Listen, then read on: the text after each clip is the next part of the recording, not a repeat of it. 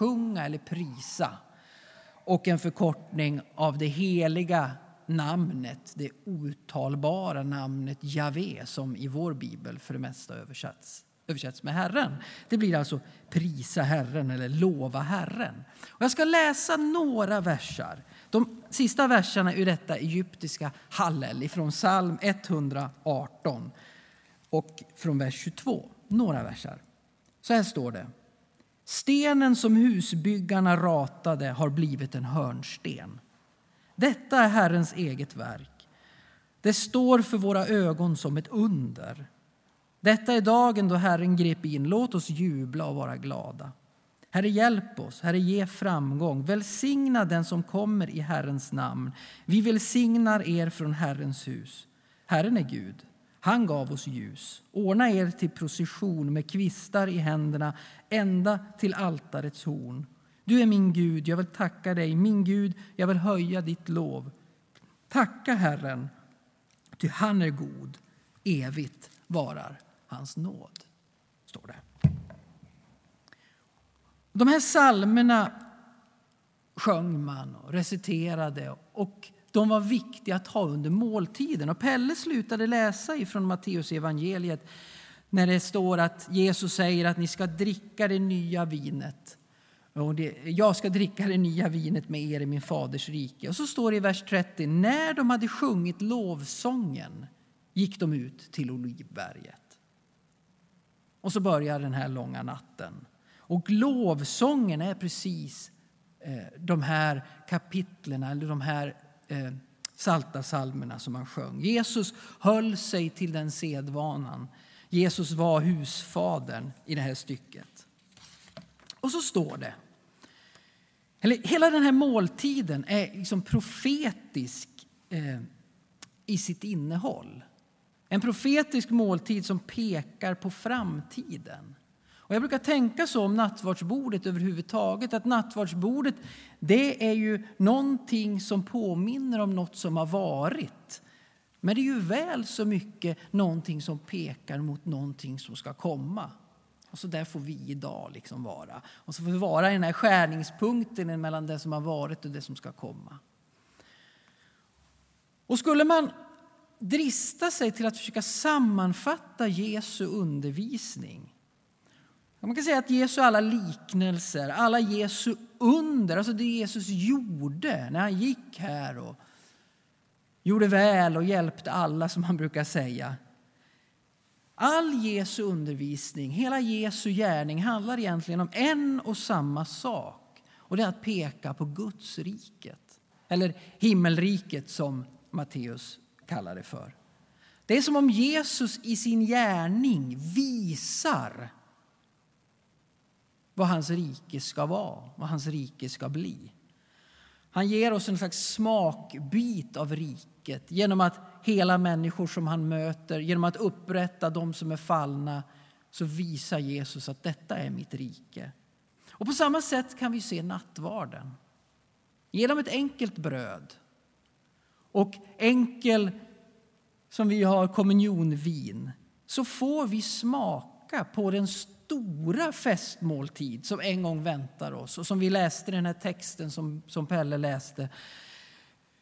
Som Jesus en gång ska fira tillsammans med oss.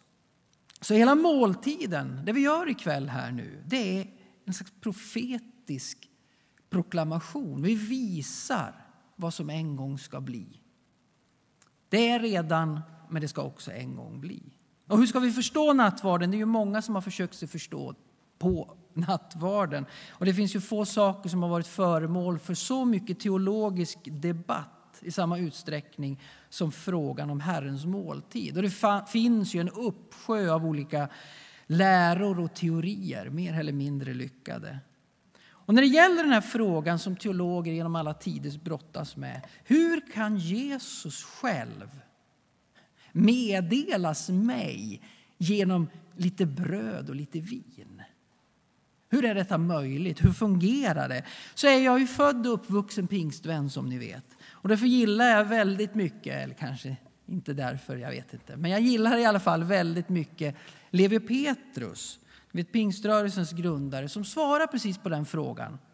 Hemligheten med brödsbrytelsen, skriver han, låter sig lika lite förklaras som jungfrufödseln eller uppståndelsen. Hur kan en jungfru bli havande? Hur är det möjligt att den kalla kroppen som legat tre dagar i graven får liv? Trons svar är det är Anden som gör levande. Och tänk vad enkelt det svåra kan vara ibland. Jag håller helt med Levi Petrus. Och här kan teologer få liksom skrynkla ihop sina hjärnor och tänka bäst de vill och komma med teorier. Men varför ska vi krångla till det som är så vackert? Och så brukar jag ta bilden av min hustru.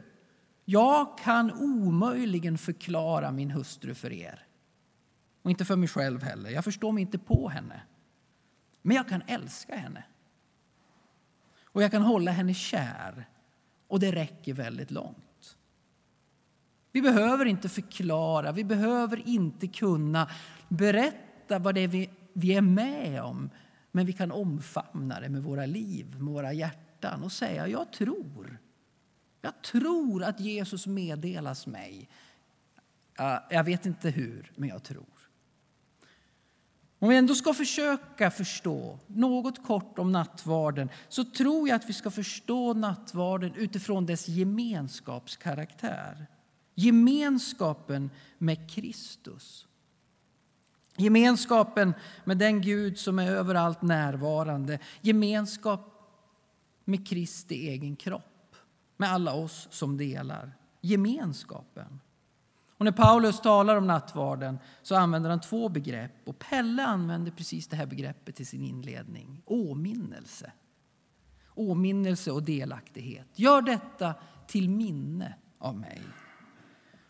Och Det är ett ord som, som upprepas i samband med nattvardsfirande. Åminnelse. Åminnelse handlar egentligen om att återkalla, om att återuppleva det är ett levande minne. Det är något som händer här och nu. Gör detta till minne av mig. Och Det är också någonting som vi kan, kan säga om hela påsken. Påsken firar vi år efter år, inte som någon nostalgiskt. Inte för att egentligen minnas någonting som har hänt, inte för att ha en, en liksom minnenas alléfest. Utan det vi gör varje år det är att vi lyfter det som hände på Golgata för mer än 2000 år sedan och så låter vi det bli närvarande här och nu i våra liv. I vår vardag, i vår tillvaro, i vår verklighet. Och det får bli närvarande till vår förnyelse. Det får bli närvarande till vårt helande. Det får bli närvarande till vår förvandling. Vi blir delaktiga i det vi minns. Och så på det sättet så spränger åminnelsen tiden. Om jag får ta min hustru igen som ett exempel. En gång om år så firar vi bröllopsdag. Inte till minne av något, utan för att fira någonting som sker här och nu, det vi kallar för äktenskapet. Och Det är den här betydelsen vi firar nattvarden, till minne. Vi minns inte något som har skett. För ingen av oss var ju närvarande. Ingen av oss kan ju minnas det i den bemärkelsen. När vi blir delaktiga i, vi blir delaktiga i och vi förvandlas av det medan det sker. Och åminnelsen är frälsande, den vanställda avbilden helas. Och varje gång vi firar nattvard så deltar vi i försoningens under. Vi påminns om påskens djupa, rika budskap. Och det andra begreppet, väldigt kort, som har med delaktighet att göra. Vi ser att Jesus säger åt sina lärjungar, de, de firar en måltid tillsammans och under den där måltiden så sjunger de lovsångerna under den där måltiden så ber de bönerna. Under den där måltiden så lyfter Jesus bägaren. Och han bryter brödet och säger han gör detta som ett minne av mig. Allt detta sker i måltidens gemenskap. Och jag tror att det inte alls är oviktigt. Och Det var först en bit in i kyrkans historia som man också bröt ut nattvarden ifrån måltiden. Så det blev ett liturgiskt inslag i gudstjänsten som vi firar. Första tiden så gjorde man detta tillsammans när man satt och åt. Och vi har ju ersatt det här med vårt kyrkkaffe. Och kyrkkaffet är enormt viktigt. Det är ju inte bara ett tillfälle för oss att få liksom fika tillsammans och dricka en kopp kaffe som vi svenskar behöver och så. Utan det vi gör när vi har kyrkkaffe det är att vi deltar i det som är nattvardens intention, gemenskap. Förståelsen av gemenskap kring en måltid är väldigt viktig för förståelsen av nattvardens innebörd. Och ibland kallar vi nattvarden för kommunion, vilket är latin och betyder precis just detta, gemenskap. Det är gemenskap med Jesus, det är gemenskap med varandra och det symboliseras av att vi alla äter ett och samma bröd. Och vi har en gemenskap med alla kristna i hela världen i alla tider. Och samhörigheten blir ju extra tydlig när det är Jesus själv som inbjuder oss att delta. Det är Jesus själv som har sagt gör detta. Gör detta till minne av mig. Och jag blir rörd varenda gång när vi som församling firar nattvard. Och vi har ju som tradition här att vi går fram tillsammans och så brukar vi gå åt varsitt håll så här och så blir det en lång kö och så brukar jag stå och titta på människor här. Och det är så otroligt vackert att se detta, hur vi sida vid sida vandrar fram och deltar i den här gemensamma måltiden. Det är någon som liksom är över 90 år och som inte kan gå själv utan alltid får stöd. Det går någon som är född i Syrien. Det kommer Hanna från Gotland.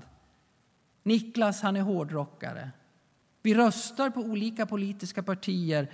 Vi bor olika, vi har olika jobb, någon är arbetslös. Den ena söndagen så mår jag bra, nästa söndag är nattvard så mår jag inte alls bra. Och så varierar detta. Men i nattvarden så bryts allt detta. Alla barriärer mellan språk och hudfärg, och politiska åsikter och ekonomiska möjligheter och teologiska oenigheter och kön och åldrar. Allt bryts och det är det tanken. För vi är en enda kropp och vi kommer tillsammans och så blir vi delaktiga i Jesu försoning. Och jag tänker att påsken, som vi nu går in i lite väldigt tydligt ikväll är en sån viktig återkommande högtid just för detta. Att vi årligen blir påminna om glädjen och tacksamheten som finns just i försoningen. Amen.